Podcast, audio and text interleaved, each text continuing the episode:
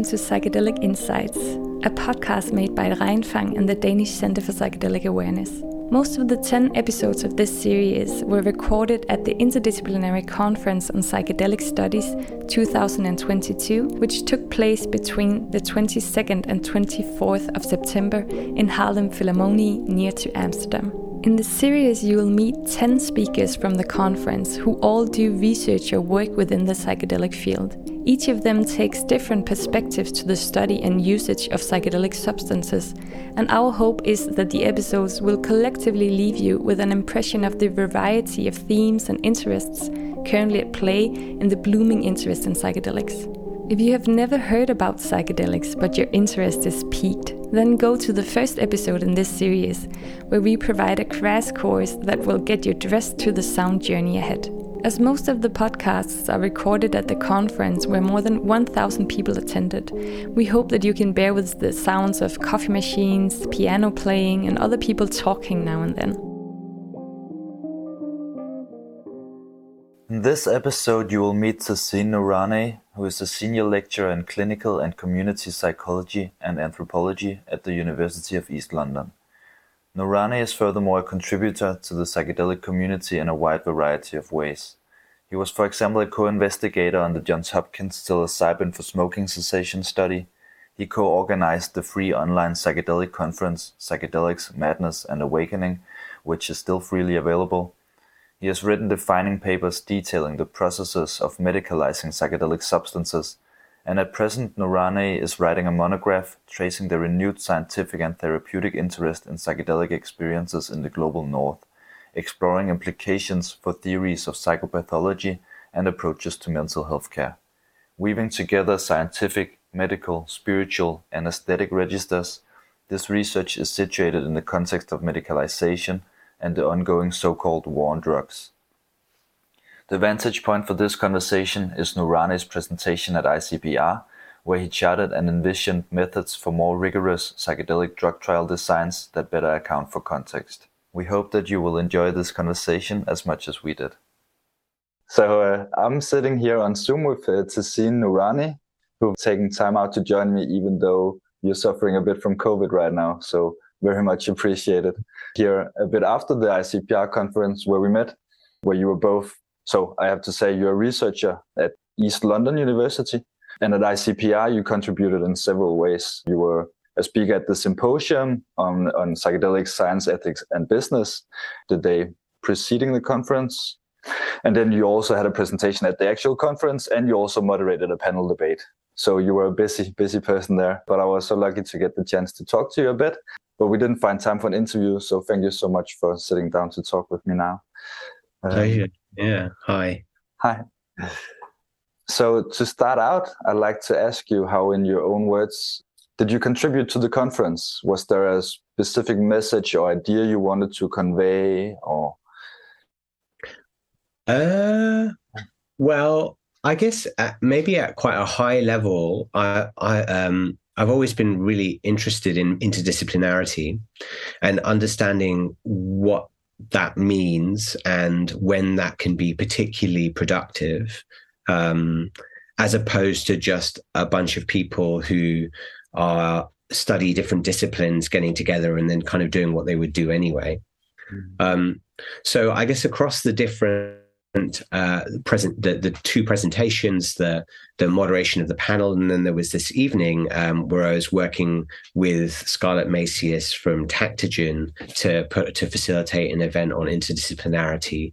Um, there's a kind of evening social event. So across all of them, I guess I'm quite interested in both doing interdisciplinarity and um, and sort of um, showcasing the fruits of interdisciplinary work.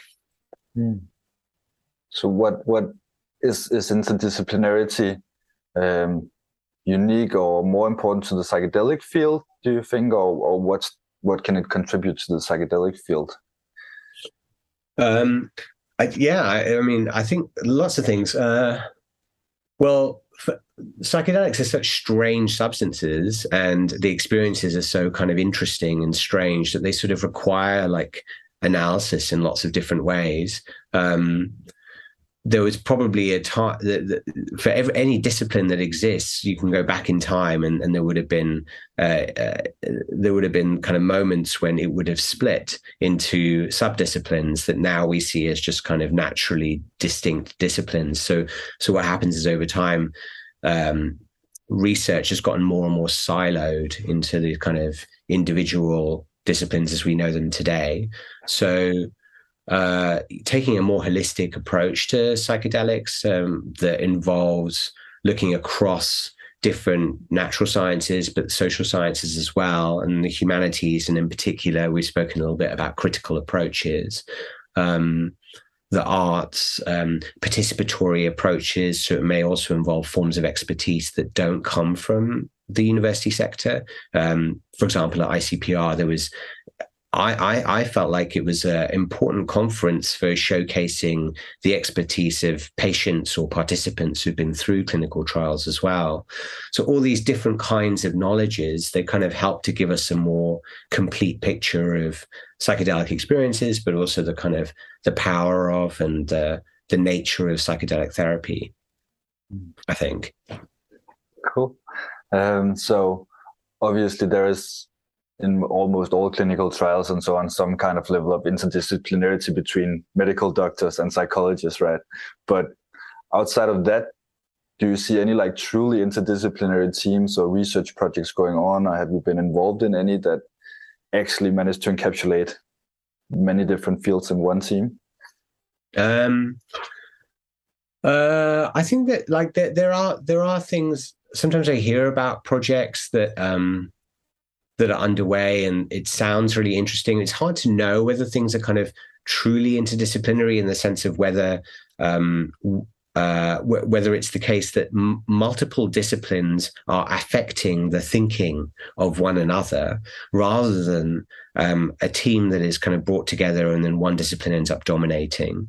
Um, so it's hard to know without being inside of teams. Uh, we've recently um, set up a, uh, a, group to look at trial design and more broadly how we know psychedelics, how the different methodologies for knowing psychedelics. So it's called reimagining psychedelic trials, and uh, I've been facilitating this group for. Um, for about six months now, and and that is a very interdisciplinary group. Um, it's had anthropologists, historian, uh, a pharmacologist, um, people who are designing clinical trials, people who have been have written on and are critical of clinical trial approaches, um, a whole kind of mix of folks who come on the call once a month, uh, and that's been that's been pretty good. I mean, one thing I would sort of say in relation to that and initiatives like it that I think are kind of springing up in different places. There was one that someone went to Psychedemia and was speaking about, um, where I think they were a psychologist, and then there was someone who I think was in feminist studies. Um, and perhaps there were or women's studies, but then there were uh, others within their interdisciplinary group. So, in relation to all of these initiatives, one thing that that I think comes to mind for me is how they require a lot of time. Um, they're slow processes usually. They require a degree of building trust across disciplines. Um, and a, sh- a, shared language to a degree anyway or there's a question of whether one has to develop a shared language or not um, and finding ways to through the relationships that are built to make the kind of frictions between the different disciplines and how they approach kind of questions in relation to psychedelics make those frictions productive rather than kind of destructive of the relationship and uh, as a working relationship. Mm-hmm. so there's kind of lots of moving parts and i think it does take time um, and therefore to a degree resources. Yeah but that's one example. That that working group I mentioned is one example, I guess. Yeah, you know, when I start when I started in the psychedelic space, it was doing qualitative research for a team, uh, a clinical trials team based at Hopkins, and so they were pretty much everyone else was uh, quantitatively trained, and there was one person, Al Garcia-Romeu, who had a qualitative training um, background, and then myself as a qualitative and kind of critical um, scholar. And then all of us got together and, and, and devised this research project, which was a qualitative research project. So that so from the beginning of my involvement in uh, university-based psychedelic research, it was it felt like it was quite interdisciplinary. So that was something I was quite tuned into and interested in the kind of challenges of, but also the potential of. Uh, it sounds like a very fascinating learning space and process to be part of, actually mm. Communicating and diving into ideas with a lot of different perspectives represented. Um, mm. So you mentioned this uh, this research project you're currently working on, knowing psychedelics and reimagining clinical trials. That's also what you were talking about at the conference in your presentation, right? Um, could you tell us a bit about that? What what did you learn from that project? Uh, yeah. What, what, did you find out, or what have you found out so far? Well, it's ongoing, um, and the the, there is this working group that meets monthly, and that's the kind of um, backbone of the project. But a sort of what spun out of it um, recently and uh, was uh, were some ideas that then um, I was kind of trying out at ICPR uh, on behalf of the three of us who are working on these ideas. So the three of us, uh, me, uh, Suresh Muthukumaraswamy, who's um, uh, I think he's a pharmacologist based at the University of Auckland, and then Gill Bedi, who is a um, mental health researcher based at the University of Melbourne. Um, and the three of us were talking about um, clinical trials, some observations that were more sociological um, about how the trials have generated a lot of hype and excitement and um, conversation um, that is not is that is not cleanly separable from the trials. It sort of emerges immediately from the powerful experiences that people are having within the trials and desires to share them with one another, uh, desires to start Googling and looking at, well, who else has had experiences like my experiences, all the kind of stuff that you might expect if you approach clinical trials as very human activities extended over time, where people come into very intimate relation with one another, um, share moments together, um, learn things or come to understand things or understand them differently, and then try to make sense of them over time. Uh, so that was the observation on the one hand on the other hand, um, when one statistically tries to um, set, tries to set up in a statistically rigorous way clinical trials, uh, there's an insistence upon uh, uh, treating individuals as um, as distinct from one another, as kind of essentially replaceable for one another, as these kind of units that come through a trial, that have a treatment, that uh, have an outcome, and one then just measures that outcome and you know perhaps compares it against a placebo arm or whatever. Um, but the idea is that those individuals the number of uh, the, the, the, number of ways in which they're affected throughout their involvement in the trial is quite constrained. And uh, perhaps you're toggling one key variable which is like whether they got a psychedelic or a, a placebo or you know an alternative treatment for example. Um, so we were quite interested in bringing these two bodies of knowledge together. One fairly statistical that's interested in the kind of logic of causal inference from psychedelic or from any randomized controlled trials um, together with these observations of the way in which psychedelics tend to encourage people to connect and um, and and build new kind of uh, communities and how there's a kind of tension there and so the kind of the way the direction where I took where where I took that in my paper was exploring ideas about how at the same time as having a very methodologically individualist approach to clinical trials where you you treat everyone who goes into them or every participant as an individual and you aggregate the effects across all the individuals to come up with an average treatment effect. Mm-hmm. Um, at the same time as taking that approach, we should be taking more methodologically holistic approaches to the clinical trials. We should have people who observe these trials at a higher level. We should have anthropologists who do who do studies of the trials and watch how through the trial process, these kind of collective structures emerge and collective and modes of modes of forms of community emerge around the trials that could not have been anticipated uh, before the trials began. So that was the kind of argument is that we don't have to fully um, succumb to the the paradigm of these trials as being these kind of individualizing processes, uh, but instead we can study them as kind of collective and socially situated events. Thank you much for thank you very much for that wonderful summary. I have so many questions, yeah, but I, also have, but I also have more uh, areas that I that I would like to cover in this sadly too short interview. But but thank you so much. Um, so I was wondering, you mentioned participant perspectives as as one part that you noticed of ICPR and, and where it contributed something yeah a, a, different perspective or a new perspective maybe into this conversation or platforming this perspective at least um, i'm wondering uh, what other takeaways takeaways you might have from icpr was there something that you that you noted or that particularly spark your interest or yeah um yeah i uh, well I thought uh, people were dressed a lot less colorfully than uh, psychedelic conferences in London and in the US, and that that was interesting. Um, uh, no, I um, what else did I take away? I mean, I thought there was quite a lot of uh, quite technical presentations, which I really enjoyed, that got into kind of questions of methodology or um, scientific rigor.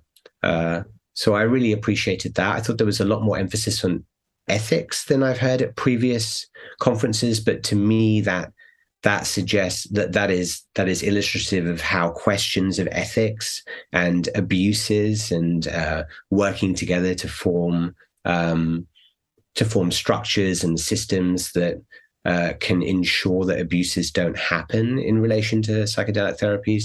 Um, that was all a lot more prevalent, I thought, and and so I think it sort of speaks to a moment.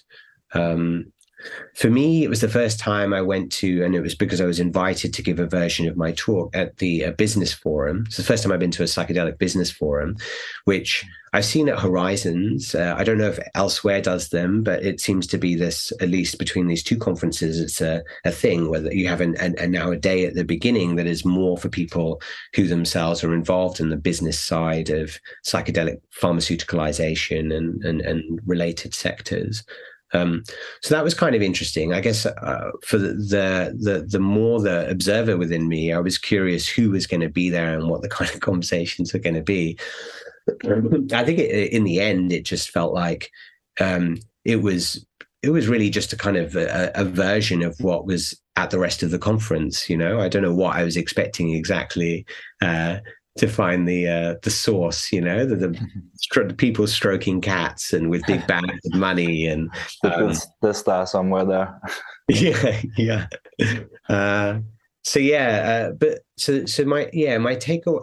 I guess I guess there was more of an emphasis at the business forum for me. Uh, this is probably a bit unreflected, um, but there was more of an emphasis on uh, how like take uh, on taking for granted certain phenomena like the need to standardize treatments that i think um, there, there's there's more questioning of um, at there, was more questioning of at the rest of the conference uh, and and that so that makes sense you know? It's kind of it's like okay a bunch of people who are more interested in commodifying and scaling treatments um, so those imperatives all did kind of seem there.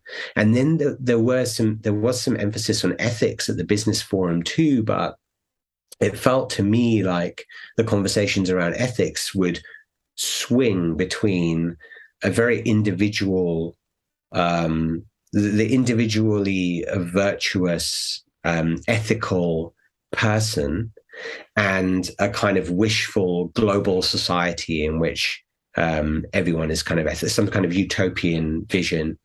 But there wasn't a lot in the middle. I didn't feel like about um, structures that can be put in place and processes that can be put in place that are at the level of an organization or even at the level of a, a, a national sector or um, guidelines that would have teeth to them, legal, you know, that, that would be legally enforceable and how they would be enforceable. These kinds of questions I, I didn't hear raised or, or, or, discussed that much. And that's kind of perhaps what I'm more interested in when it comes to questions of ethics. Mm. Do you think that's a, that, that might be a leading question, but do you think that's a general thing in the in the psychedelic space that there's a lack of uh, more an institutional focus on structures that might uh, somehow enforce some kind of responsibility on different actors or info yeah? Yeah. Yeah i think there's been uh, a i feel like there's probably been a reluctance and there continues to be a reluctance to speak about having such kind of enforcement mechanisms or um, institutional kind of practices put in place uh, and we could speculate about the extent to which um, the drawing of the ethics into of questions of ethics into the the locus of the individual is something that one get that that is connected to the kind of history of psychedelic use within within the kind of recent times within the West. Um, and a sort of countercultural notion of of kind of um, of breaking breaking free from societal norms, but being a kind of virtuous character and so on. Mm. Um, but but I think there is more there there are more folks and more initiatives that are cropping up that are seeking to be um, to hold the space for for ethical accountability. one issue I think we're seeing at the moment is that there are there are, if anything, there are quite a lot of different organizations that are looking to do this and that are looking to be the the central point for discussions about or for for for mechanisms for enforcing kind of ethical behavior or something. So rather than it kind of congealing into one sort of system and i guess there are arguments for a kind of pluralism anyway um, but it seems to be a lot of kind of reinventing the wheel and so uh, uh, and a call there's a call right now for more conversation so that people can kind of tie together their initiatives mm-hmm. i think we have on our website we have a list of uh, different different ethical codex in uh, in the field right now and i think we have 10 10 different ethical codex okay. Now. yeah interesting yeah diff- from different actors organizations mm. there's something to be gained from all of them for sure but yeah Mm. Interesting to see them in conversation about some of the big topics, right? Yeah, yeah. I think that's a lot of the work right now. I'm finding is um, is just connecting people with people, you know, and then it's it can be it can be somewhat redundant when people already know about what other people are doing or whatever and it's also it's not um it's not very sexy work it's not front of house work you know it's behind the scenes work um but i think in a way, this comes back to the, what I was saying before, maybe in a slightly convoluted way about the analysis of clinical trials. It's like to really recognize that what what is happening here is a kind of a movement, and so it requires movement building, and a lot of movement building work isn't that kind of um, yeah, that, that exciting kind of you know visible stuff. It's the it's the stuff in the background, and it's probably a lot of the stuff that you're doing for in, in your work here is kind of it's behind the scenes. It's it's kind of drudgery in a way. Yeah, uh, but yeah, and also still, or not. Still, uh, yeah, well, yeah, some of it is like formulating documents all the time and, and yeah facilitating contacts and introducing but but still like being a part of the conversation between different actors and yeah just uh mm. you know so many ideas and, and a lot of community also into it right so it's a it's a blessing at the same time for sure mm. um, so do you have any hopes or advice for future research in the psychedelic field or maybe you'd rather tackle uh, what you think some of the most promising potential and dooming pitfalls are within the field. um, uh, what was the first one? There was hopes, hopes or advice for future research in the field. For future researchers or research? Research, yeah, all researchers. Yeah, research in the field. Um, uh, well, I mean, it's so big. Like uh, the, the, word that you know that I focus on most is field. You know, like and and how how there are so many kind of so many things going on right now. Um, personally, I'm I'm whilst I'm really interested in the technical questions around methodology and trial design, um, I'm starting to feel like at least part of me is drawing back from the clinical research, and I'm less interested in in the clinical research. Um, and so, so that raises the question of of what what else is kind of going on in terms of doing research, for example. Um, and there's, I, I what what what I get really excited about are lots of community based and participatory research projects or activist projects that have a kind of research component to them that are trying to track the value of what they're doing. But what they're doing is very locally based. It involves the use of psychedelics or plant medicines, but it's a much more holistic set of concerns about um, the quality of people's lives, uh, the struggles that people face, the things that people want to change. Um, and the idea that research research can be woven into those activities and actually in some ways enhance or synergize with those activities to me is really exciting and that's kind of on one level what one can understand as ethical research um, so yeah, I, I, for me, I'm much more drawn to seeing knowledge that's pr- in terms of praxis or knowledge as kind of socially situated, always socially situated the, there's even a kind of social situatedness to the kinds of claims that get made that psychedelics or, or this psychedelic will heal this uh, diagnosis in this population. You know, these are kind of these universal claims that are being made by the kind of clinical research machine. So it's interesting, A, to think about how those even the nature of those claims kind of comes from a certain history of this like big pharma always promising its new magic bullets, whatever. Mm. And I think that's you know that's a caution. There are cautionary tales there, um, but also I think it's nice to think about um, all the other kinds of research that aren't obsessed with making claims that are generalizable or scalable or universalizable, but are really about well, what knowledge can we generate about this context, this group, this community, these set of very local struggles, and how can that knowledge then, in a kind of iterative way, help us to devise new ways of making that community a better community?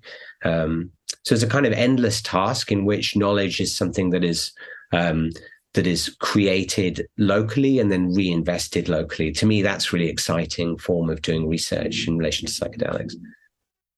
Awesome. That sounds super fascinating. So, do yeah. you see do you see a more uh, more attention in the field uh, heading towards that kind of research, or?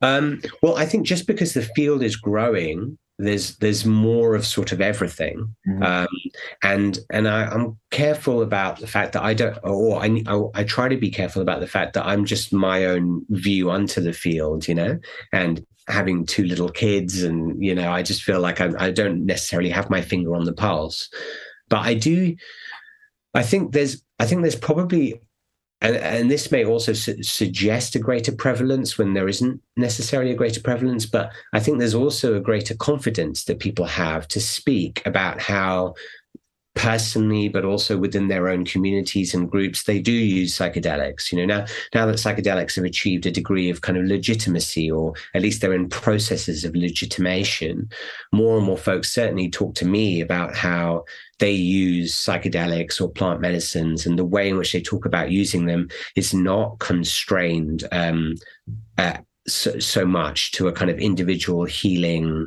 from a diagnosis that they have or from a trauma or something like that, but is a kind of broader depiction of the value of psychedelic experiences. One that also is sort of breaks down the difference between um, pathology and healing and then recreational use and joy and fun and so on. Mm. Um, so it's kind of more like psychedelics is knitted into certain ways of life um, and ways of being together and ways of communing with the kind of you know with nature with the with the more than human as well as the other humans so my my next question was going to be where do you see the psychedelic field heading in the future but maybe we'll skip that one and go to a more personal one so unless you want to answer that well, I don't. I don't know if I could say much no. of use in relation to that. I mean, I suppose there's quite a lot of um, prophesizing about um, like reading the tea leaves about when mm. what substance will get legalized for what indication um, which doesn't seem doesn't seem that interesting to me. Uh, so perhaps just a growth of these community-based kind of projects and where knowledge is more locally tethered. I think that that's exciting to me. Yeah. Mm. So you've been talking a bit or giving a hint at where you might be heading. Uh, but now I've been admiring your work for some time, and you've been, you've been at yeah, Johns Hopkins at the psilocybin for for smoking smoking cessation uh, some years ago now. Um, but you've con- co- contributed to really a multiplicity of of domains or activities in the in the psychedelic sphere. Also, been a co-organizer of the conference uh, Psychedelics Madness Awakening, which I think is probably still available online. Yeah. yeah, yeah, awesome. So um, I was wondering where you're going. What is your next contribution to the field going to be? keep an eye on. I'd like, I mean, I'd like to write a little bit more in relation to trial design. Um, I think it's interesting to think that uh, we have entrenched in healthcare broadly a kind of evidence based hierarchy that has randomized placebo controlled double blind trials at the top you know and and that and that is something that is considered a gold standard of evidence that will lead in the case of psychedelics the hope is to the approval of psychedelics as medicines. But that whole hierarchy is i think really kind of problematic you know and it's been the source of um, a lot of struggle. Uh, it, has been the, the, the object of um, critique and struggle within psychiatric and um, mental health survivor and peer support movements that suggest that the value of other forms of knowledge, including knowledge from personal experience or the um, collectivization of, of knowledges through kind of community knowledge, um, is more valuable and more valid than um, the knowledge that comes from these kind of trials. So, broadly speaking, I think um, I'm interested in methodology and um, and this is a moment when psychedelics, with their emphasis on context and um, uh, that they might enable us to break down or subvert that sort of hierarchy of different forms of evidence. So that to me is the kind of bigger fight into which psychedelics are playing a kind of could play an important role, or they could just end up being the latest version of being kind of constrained into that very model. Um, so without without and we know there are loads of problems with doing these trials, like the kind of unblinding and so on. But still, we can just keep our heads down and just force them into that straitjacket in order to get the drugs approved. But I think that's really missing a lot of what's of the potential of psychedelics. So so I want to unpack these questions around how across the board for us, for people running trials, for drug sponsors, even for government regulators of drugs, um, that we can we that there can be a kind of lifting of all boats in terms of the quality uh, of how, what we understand as kind of quality methodology and how it is that we know what we know in relation to these substances. So that's one thing. And then um, beyond that, uh, I don't, I really don't know where where I'm headed. I kind of feel a bit too um, head I, I, too much behind a screen at the moment, too much kind of reading and stuff. I've recently did a, a course on spiritual emergency, um, which had a lot of experiential components. And this weekend, I'm going to do this course on psychedelic harm reduction at festivals, which is a kind of very experiential course. So I think perhaps kind of getting my getting my hands a bit dirty is, uh, is it feels appealing at the moment, and to to get more involved in the kind of practice of therapeutics and uh, and and the kind of really difficult situations where people do get unspun from their challenging or psychedelic uses or, or psychedelic experiences or kind of bad trips and um, how to support people in those in those situations. And that is something that i think is quite translatable across to the context of people who whose experiences get pathologized as psychotic and and that's where that's one area where I think there's a lot of value in looking at these sets of experiences side by side. Hence that conference that you mentioned, psychedelics, madness, and awakening. Mm. So your course on, on spiritual emergencies or emergencies uh, is that something that can be found online or was it in person? Yeah, no, that was yeah that uh, well, it's kind of both. Uh, that that's run by Emma Bragdon, who wrote um, some early texts on spiritual emergencies, and she runs an organization called uh, Integrative Mental Health University, IMHU. And so they run uh, these uh, courses, which are partly online and then in person on spiritual emergencies.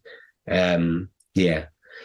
And then the psychedelic harm reduction is being provided by, I think it's called Safe Shore and uh, um, Nir uh, Tadmor, I think, is uh, the, um, an Israeli guy who who run runs these courses, and he's had a lot of experience working I think, with Soteria, which is a um, a kind of safe, uh, which is a model for providing support for people who um, otherwise would need to go into the mental health system because of a kind of what would get understood as a psychotic break, and instead they're kind of um, they're, they're held in a safe space where they are preferably the, the preference is not to use uh, tranquilizer medication like antipsychotic medication, but instead to kind of help people through their processes. So I think the work that Nir is doing is quite interesting because it bridges these two worlds. Awesome. So I'll put a link for psychedelic madness awakening in the in the comment section or comment credit section here. Uh. And also for the course on spiritual emergencies and emergencies. Um, is there anything else, uh, anywhere else we can follow you or keep up with? the work that you're doing? No, I don't think so. I mean, I have a Twitter account uh, at Tehseen Noorani. It's my, just my name, but um, yeah, I've got. I, there are a few things. There are a few things kind of bubbling, but um, I don't sort of have a website or hold anything together in one place. Yeah, you'll find me. I lurk around. I lurk. Yeah. Well, I will for sure. um, is there anything that you would like to say before we round off? Yeah. I don't think so. I'm just grateful for the time to chat with you. I really appreciated our chats at the ICPR and kind of getting to know a bit about what you're doing. Um, I think it's really valuable. So, um, no, I'm just grateful for the time with you. Yeah, I'm very grateful too. Thank you so much for sitting down with me here.